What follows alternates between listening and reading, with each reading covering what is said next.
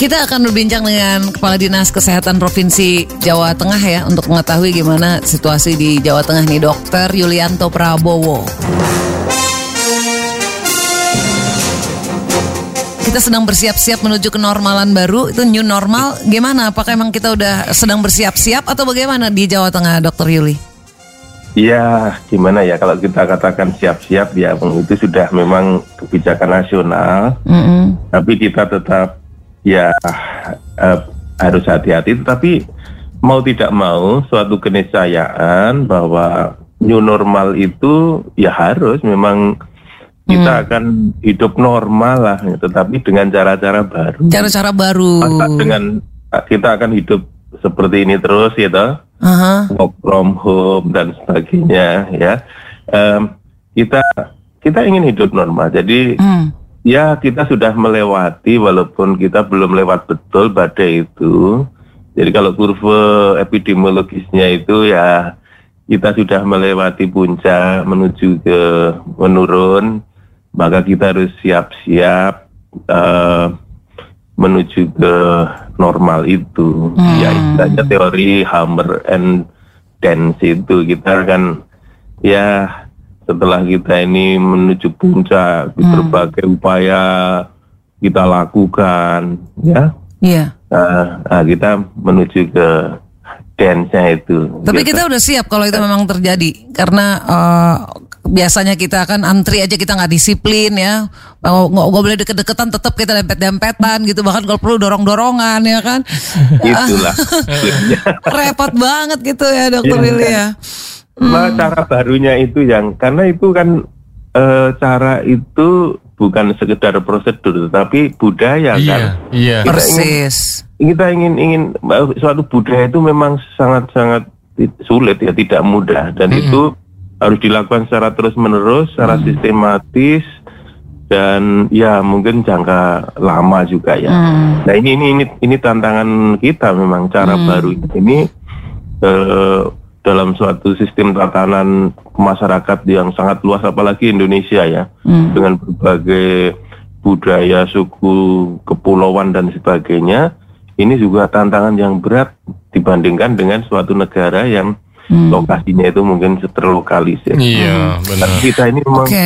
dan tentunya karena ini tadi terkait budaya. iya Nah, kalau terkait budaya berarti juga terkait kebiasaan masyarakat kita. Iya. persis Itu tadi macam-macam gitu. kalau kebiasaan PHBS aja masih sulit ya dokter ya Wah, itu itu juga budaya kan. Iya. Heeh.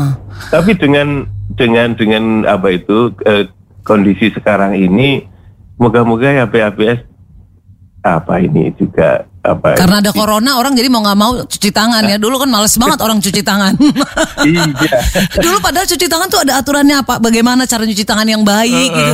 Sampai digituin loh. Kan orang nggak ini karena dengan ada hikmahnya juga nih berarti ya dokter Lia. Ya, ada hikmahnya juga. Tapi moga-moga tidak hanya takut pada corona saja ya. Iya. Oh iya maka itu maksudnya secara tidak langsung karena corona yang lain penyakit lain pun enggak. Iya.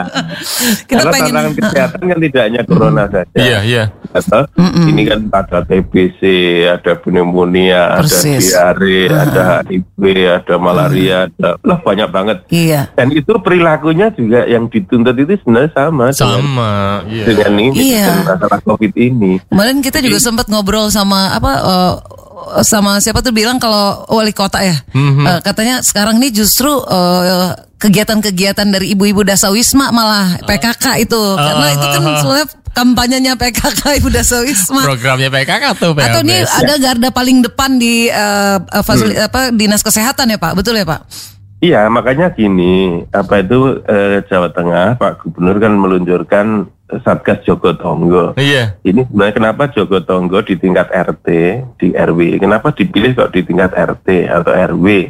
Ya, karena di RW itu adalah eh, apa ya kayak semacam tatanan pemerintahan di paling bawah Iya. ya. Jadi suatu komunitas yang di paling bawah yang sangat dekat dengan individu, Mm-mm. sangat dekat dekat dengan keluarga-keluarga Hmm. ya sehingga diharapkan itu menjadi suatu tatanan baru membentuk suatu tatanan baru itu lebih mudah Iya. dibandingkan dengan misalkan di tingkat desa itu terlalu luas, apalagi di tingkat kecamatan, Iya. di tingkat kabupaten ini ini eh, terlalu luas. Maka Jogotongo itu sebenarnya me, me- me- Hmm. eh, apa itu namanya? Jadi di dari atas itu namanya PS ya, pembatasan, pembatasan sosial, baik berskala besar, provinsi atau berskala kabupaten kota gitu. Ini lebih banyak tatanan yang bersifat instruktif gitu ya, Eh, atau top down gitu, kira-kira seperti itu. Dari yang program yang Hukumnya oke. dengan dengan segala penegakan hukumnya gitu. Mm-mm. Nah ini harus diimbangi dari bawah pemberdayaan masyarakat, kesadaran ini. Hmm. Jadi ini makanya Jogotongo itu adalah me- mengkombinasikan antara pembatasan sosial yang sifatnya itu top down gitu dengan dengan pemberdayaan masyarakat. No. oke. Diharapkan nanti dengan Hmm. pemberdayaan masyarakat, masyarakat sadar tidak takut pada aturan, tapi memang kebutuhan gitu. Ini yang kita bangun. Oke. Sehingga ini nanti diharapkan menjadi suatu budaya kontinu, kontinuitasnya terus Heeh. dan itu sudah menyatu dengan masyarakat itu sendiri. Ini harapan kita di gitu dan Mudah-mudahan terjadi, terwujud harapannya. Tapi hasil evaluasi gimana? Jogotongo udah mulai dilihat-lihat belum? Gimana respons wa- masyarakat?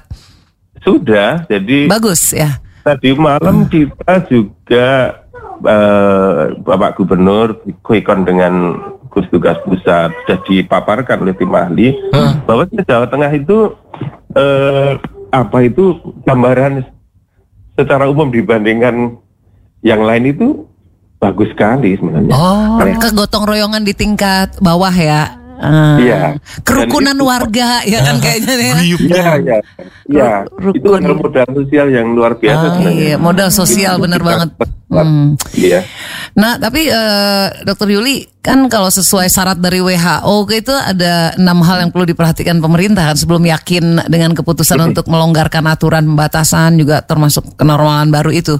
Kalau kita lihat berkaca dari eh, provinsi Jawa Tengah sendiri, apakah eh, syarat-syarat itu misalnya ada bukti menunjukkan penu- eh, penurunan eh, bis- atau COVID-19 ini bisa dikendalikan atau syarat-syarat lain gimana Pak? Ya, jadi kita ada indikator-indikator yang bisa mengatakan, oh ini sudah membaik, kita siap-siap ke new normal. Antara lain sa- satu itu kurva epidemiologis yang saya tadi saya sampaikan. Iya. Ah, Tidak hanya itu sebenarnya. Yang kedua adalah kita harus melakukan suatu pemeriksaan Ah. eh, tracing and test. Mm-mm. Ini lebih banyak lagi, lebih meluas lagi. Hmm, oke. Makanya kita ini sedang Sedang siap-siap upaya terus ya? Hmm. Iya. ke kerumunan-kerumunan kita ambil ke pasar-pasar, ke mall, ke Sampel. atau kerumunan-kerumunan. Oh. Lalu juga tracing kontak. Jadi Oke. yang positif siapa, lalu yang pernah kontak dengan dia siapa kita kejar semuanya. Oke. Kita kejar lalu kita tes semuanya. Mm-mm. Itu upaya dalam memperluas. eh, bahkan Pak Presiden kan mentargetkan kalau bisa sehari itu 10.000 ribu tes di Indonesia. Iya. Iya, iya. Kita berapa Pak sehari Jawa Tengah?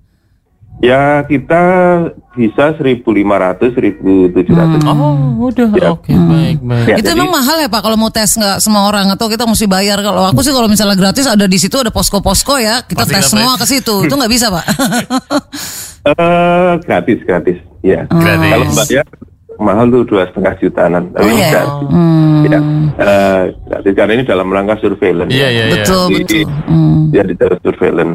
Nah, ini ini kedua. Lalu yang ketiga kita memastikan rumah sakit rumah sakit kita ini ketersediaan fasilitas sarana prasarana cukup. Ah, ah. tempat tidur untuk isolasi ini cukup artinya rasio proporsional terhadap penduduk ya kita cukup itu Oke. lalu eh, ketersediaan ventilator ini juga eh, terus tersedia Hmm. Nah, kita kemarin hari Selasa ya tanggal 27 kita baru saya baru saja menyerahkan 26 ventilator Hmm. Hmm. 15 rumah sakit di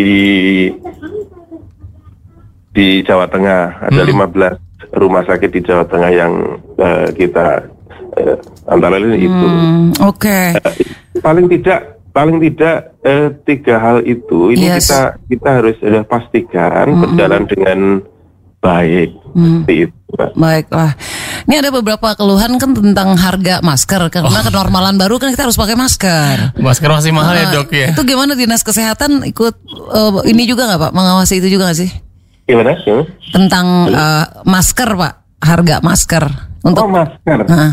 masker ya. Heeh. Jadi untuk masyarakat itu eh, maskernya cukup masker kain. Hmm. Itu bisa buat sendiri atau yang jahit sendiri Heeh. atau juga eh, provinsi eh, pemprov juga menyediakan itu masker eh, masker kain untuk masyarakat itu dan sudah banyak sekali kita distribusikan dua puluhan ribu ya. Oke. Kita Seluruh Jawa Tengah ya. Hmm. Iya. Kalau Jadi- masker yang kesehatan gimana dokter untuk tim medis Oh. gitu? masker kesehatan jadi untuk logistik kesehatan itu seperti APD ini sudah cukup Sudah cukup ya. cukup cukup terus masker untuk eh, masker chirurgis masker bedah itu juga Hmm. lumayan sudah cukup walaupun ya masih kurang-kurang nah memang yang N95 ini yang eh, kita harus ngirit betul karena Oh. memang Iya ya. Eh, kita mencari juga juga ma- masih sulit tetapi baiklah. pada prinsipnya Mm-mm. ya masih masih apa itu eh, bisa memenuhi Hmm. eh, kebutuhan walaupun kita eh, apa harus harus harus Oke. harus menekan Iya ya. Hmm. Hmm. Nyarinya agak sulit harus dihemat-hemat ya. Tapi Hemat, itu eh, petugas-petugas tenaga medis kita di Jawa Tengah eh, gimana dok kabarnya? Ya, yang kemarin kita kan sudah kita itu kemarin eh, meng- eh, mengisolasi di tempat khusus ya di di Semarang ini di salah satu hotel sini dan jumlahnya cukup banyak adalah ada 46 dokter Hmm. dan para medis ya. Oke. Itu sudah sehat semua sudah pulang ya Oke. sudah melewati masa isolasi karantina Mhm. dan tidak ada satupun yang apa timbul gejala klinisnya. Jadi walaupun mereka adalah positif, tetapi Hmm. tidak ada gejala klinisnya. Jadi sudah pulang sehat, sudah kumpul dengan keluarganya masing-masing lagi. Alhamdulillah ya, semoga Semoga. dia udah nggak Pak. Dokter Yuli terima kasih banyak nih sudah memberikan penjelasan pada radio. Dan ntar akan sering-sering ditelepon. Oh, oh ya sih. Iya iya iya. Iya. Selamat bekerja kembali Pak. Sampai jumpa. Demikianlah Mitra Idola kita sudah mendengarkan tadi eh, Dokter Yulianto.